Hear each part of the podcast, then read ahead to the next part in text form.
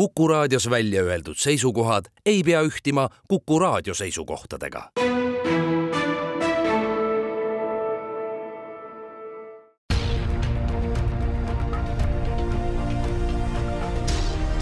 uue samba taga.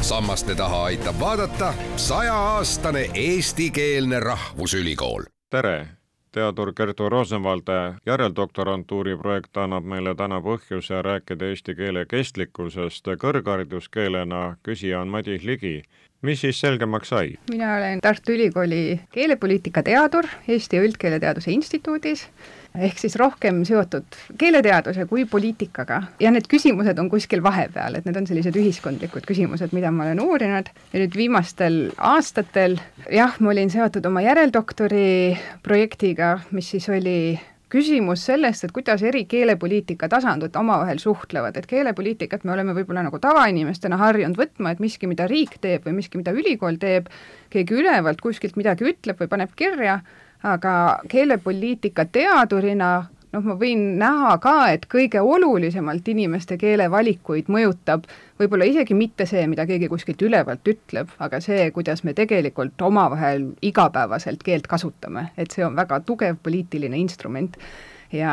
ja, ja see oli see koht, kust ma siis äh, sellele eesti keele kestlikkuse küsimusele oma järeldoktori projektis lähenesin et see on selline ülevalt alla tehtav poliitika, me soovime, see on meie kogukonna huvi, et me soovime, et eesti keel kestaks, kestaks kõrghariduskeelena, aga kuidas seesama küsimus näeb välja, kui me vaatame alt üles, kui me vaatame tudengite ja õppejõudude perspektiivist? ehk siis, et kes millist keelt kasutab, olgu kõnes või kirjas? jah, et ma keskendusin siis oma, oma uurimisprojektis ma, ma vaatlesin tudengeid ja õppejõude kahe peaaegu kolme semestri vältel ja keskendusin sellele, mis olukordades, mis keeli nad kasutavad ja kuidas nad ise seda tajuvad, et kuidas nad keelt kasutavad, mis on nende keelevalikute taga, kui eesti keelemeelsed nad on, aga kuidas nad siis ka päriselt selles mitmekeelses ja mitmekultuurilises ülikoolis äh, keelt kasutavad käisite siis tudengite loengutes ja nende üritustel, et äh, keelekasutusest täpsemat ülevaadet saada? jah, et ma käisin äh, erinevatel loengukursustel, milles, mis ma valisin selle järgi, et mitte ainult õppejõud ei räägiks, aga, aga räägiks ka üliõpilased, ehk siis sellised kursused, mis olid üles ehitatud suuremalt jaolt sellele, et nad oleksid seminarid, kus üliõpilased oleks kaasatud ja see, mis ma näen niimoodi üliõpilasi vaadates, on, et ega keegi ei jäta oma keeleoskust koju, kui ta tuleb sellesse nii-öelda eestikeelsesse rahvusülikooli et inimesed on huvitatud oma keeleoskuse ärakasutamisest. ülikool on piisavalt autonoomne koht, et see on võimalik ka, valides oma uurimisteemasid ja uurimishuve, aga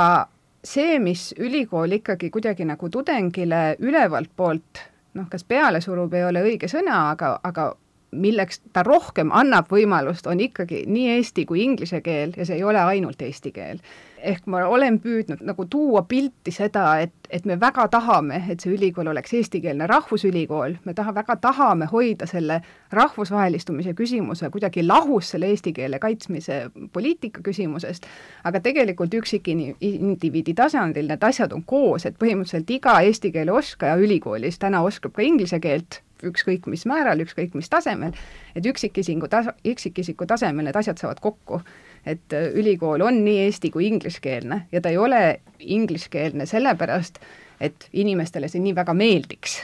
aga see on sellepärast, et nad tunnevad, nad peavad see on lihtsalt selline väljakujunenud töökeel täis teadmist, et kõik saavad sellest aru? No töökeel võib olla nii eesti kui inglise keel, et see oleneb nüüd nagu on kaks, kaks eri viisi olukordi ülikoolis, üks on sellised institutsionaalselt kuidagi suunatud olukorrad nagu loengud või seminarid, kus on suur hulk rahvast tuleb kokku, nad võivad olla väga erineva keeletaustaga, isegi eestikeelses loengus nad võivad olla väga erineva keeletaustaga, noh näiteks ingliskeelses on välja kuulutatud, et toimub ingliskeelne loeng, kõik tulevad kokku, saavad aru, et oskavad, kõik oskavad eesti keelt, lähevad eesti keele peale üle, eks, et see ülevalt alla tehtav keelepoliitika selles suhtes ei oma seda rolli, kuivõrd nagu see, et mis on, mis on need inimesed, kes sinna kokku tulevad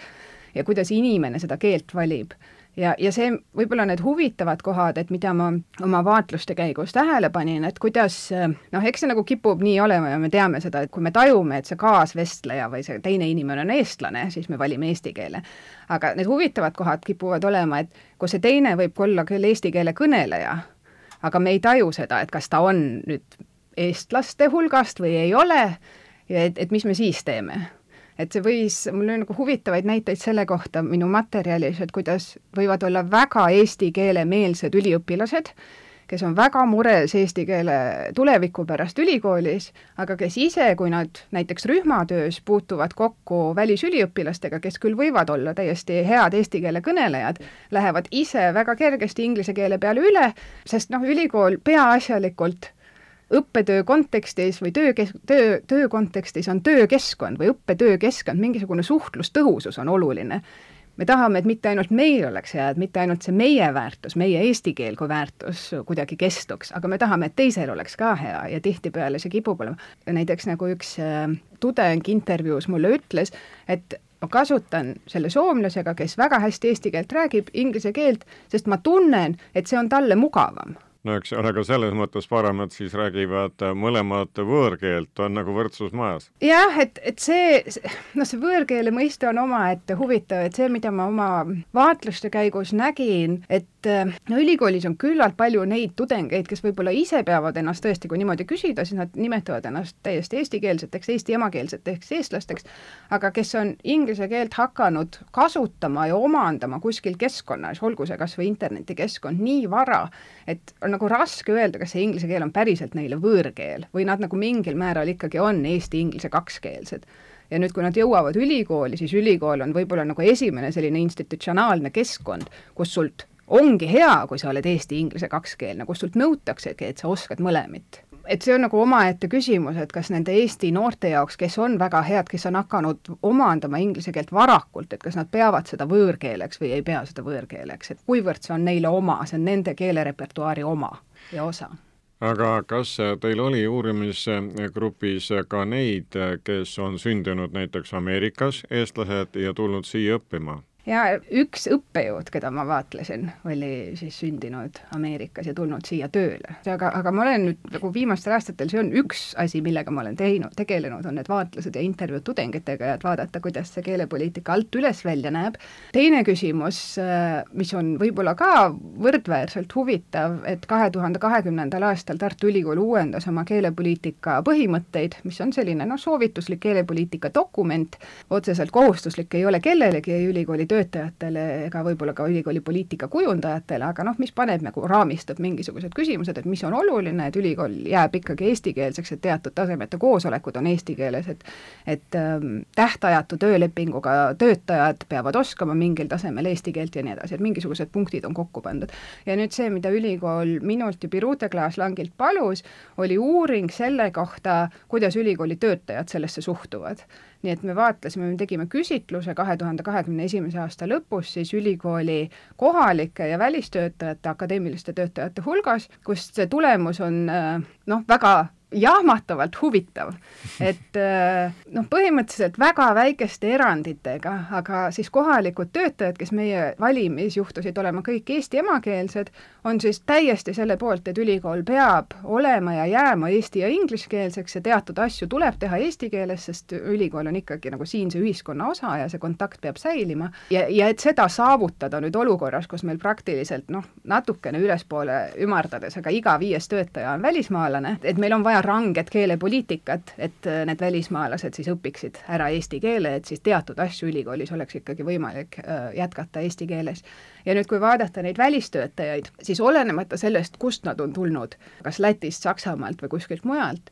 et äh, väga väikeste eranditega arusaam on selline, et jah, et ülikool pakkugu meile eesti keele õppimise võimalusi, kindlasti ärgu kohustagu. isegi kui makstakse selle eest, siis see, see ei pruugi olla see, millest ülikooli välistöötajad on üldse huvitatud. tihtipeale see rahvusülikooli mõte mis see üldse on, miks ülikool tegeleb selle eesti keele küsimusega, kas mõni muu ülikool ei saa sellega tegeleda?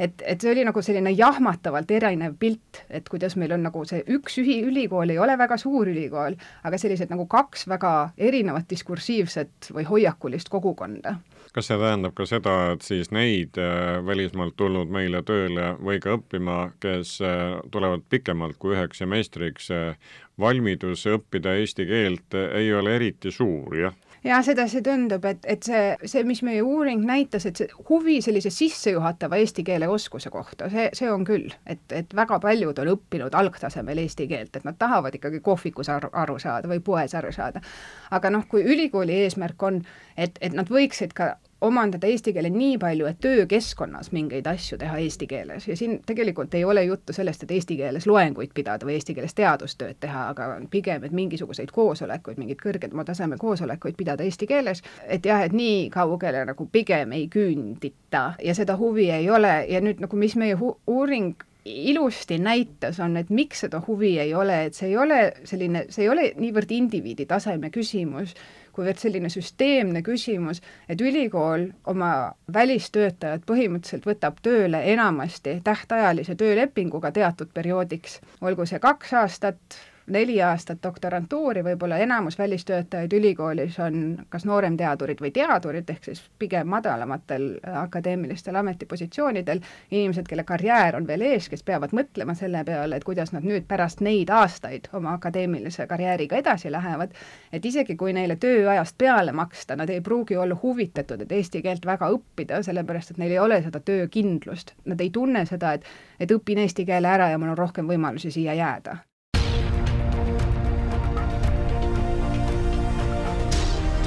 uue samba taga.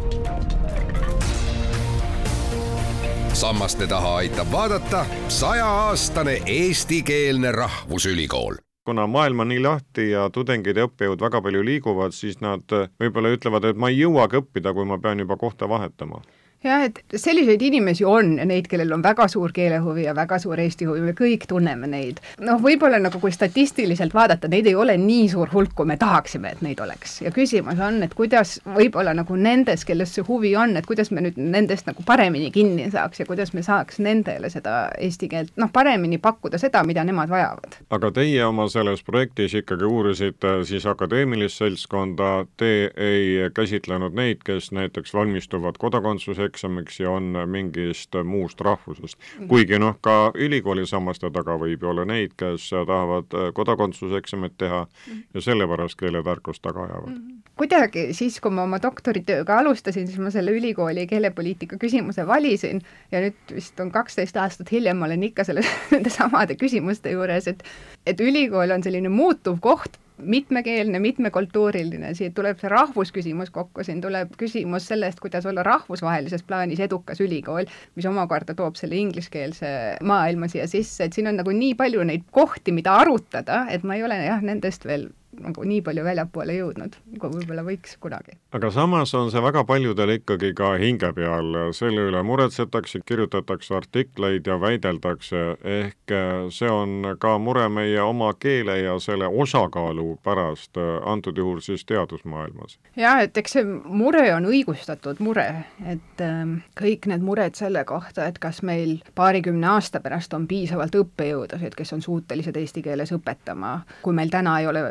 igal erialal eestikeelseid doktorantegi. et, et need on väga õigustatud mured ja võttes arvesse, kui olulised need küsimused on Eesti kogukonna jaoks, siis see, et Eestis nagu ka mujal Baltikumis kõik need keelepoliitika või keeleküsimused on kogu aeg fookuses, et see pigem on tänuväärne, et mida rohkem arutelu sellel, seda, seda suurem võib-olla tõenäosus, et seda saab äh, paremini suunata, et jah, ma ei ole selle poolt, et lasta asjadel lihtsalt minna nii, nagu nad lähevad. aga jah, ma olen kõrgharidus, keel, teaduskeel, need on sellised institutsionaalse poliitika küsimused aga see vastus vihjas siis sellele, et olete tutvunud ka, milline on lähinaabrite pool siis omakeelse hariduse ja teaduse osa sellises üldises pildis, olgu siis jutuks Läti või Leedu? isiklikult mulle Läti on väga armas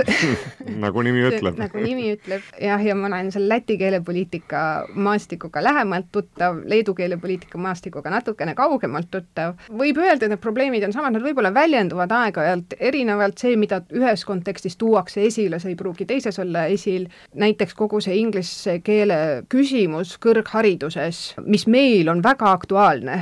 kui kaua, vähemalt viisteist aastat, võib-olla isegi kauem, noh, see ei ole, see ei ole Lätis veel muutunud näiteks nii aktuaalseks probleemiks kuigi välistöötajaid, välisüliõpilasi on seal sama palju või isegi veidi rohkem. fookus on pigem Läti kõrghariduspoliitikas või läti keelepoliitikas alati selle, selle nõukogude pärandi tühistamises, kui pigem nagu inglise keelt nähakse sellise vahendina, mis aitab seda nõukogude pärandit tühistada. et, et need fookused on natukene erinevad, aga kui hakata kuidagi nagu sisse vaatama, et et mis need küsimused laiemalt on, mille üle arutletakse, siis näiteks ühes hiljutises artiklis koos Birute Kla-, Klaas Langi ja Nemira Matšankenega Kaunasest, me vaatasime, et jah, et need küsimused, mille üle me arutleme, kui me arutame ülikooli keelepoliitika üle Eestis, Lätis ja Leedus, on justkui erinevad. aga kui sinna hästi sisse minna, siis see küsimus on sama, et kui palju riik peaks tegema ülikooli keelepoliitikat ja kui palju riik peaks laskma ülikoolil endal seda teha kui minna akadeemilisest äh, ringkonnast natukene kaugemale, siis Ukraina sõjapõgenikud ju tegelikult äh, toovad äh, selle küsimuse nõnda laiemas plaanis ka üles, et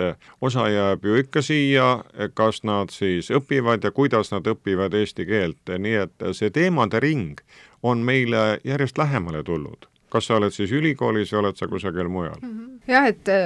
see inimeste liikumine ilmselt väga ei vähene ja mida rohkem neid liigub, seda rohkem need keeleküsimused on ikka ja jälle aktuaalsed järeldoktorantuuri projekt on nagu ühele pool, kuid äh, te jätkate loomulikult äh, seda teemat, sest äh, ega keeleküsimused ei kao üleilmastumise tingimustes. jah, et kui ma veel siia juurde räägin, siis üks väike uuring, mis me ka oma kolleegide Birute Klaas-Langi ja Kadri Koreinikuga viimastel aastatel oleme nagu kuidagi käima lükanud ja mis on ikka veel kuskil käimas,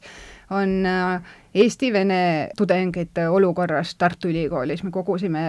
siis, me nimetasime neid vene dominantkeelega tudengiteks, nende kohanemislugusid. et äh, vaatasime neid, kes on siia Tartusse tulnud, et vaatasime neid üleminekuid, et see üleminek noh, keskkoolist ülikooli on üleminek kõigi jaoks, ka Eesti tudengite jaoks, aga nüüd, et kui see tudeng tuleb näiteks Ida-Virumaalt või tuleb Tallinnast, mõnest venekeelsest piirkonnast ja tuleb Tartusse, et siis tal on nagu mitu üleminekut, väga mitu üleminekut korraga, et üks on keskkoolist ülikooli, võib-olla nagu oma pere juurest iseseisva elu peale, aga ka siis venekeelsest keskkonnast eestikeelsesse keskkonda vene-eestikeelsest koolist eesti ingliskeelsesse ülikooli ja me kogusime neid kohanemislugusid, et kuidas neil sellega läheb ja kuidas mõtlesime nagu selle punkti pealt ka, et kas ülikool saab midagi teha, et neile vastu tulla, et neil oleks kergem kui te olete nüüd selle projekti lõpetanud, kas siis panete artikli kokku mõnele teemale, te juba viitasite koos kolleegidega natukene teises seoses, ehk kuidas siis laiemalt võimendate oma informatsiooni?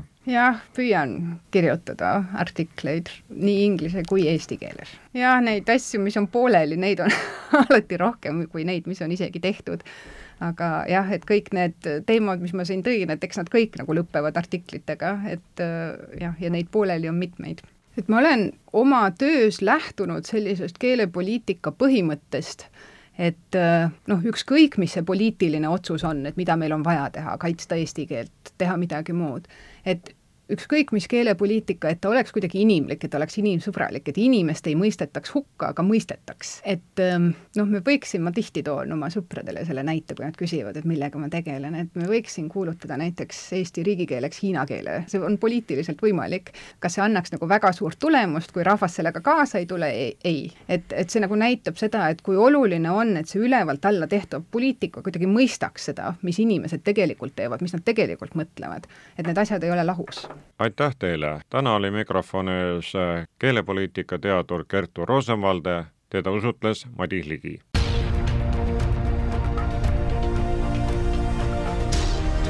uue samba taga. Sammaste taha aitab vaadata sajaaastane eestikeelne rahvusülikool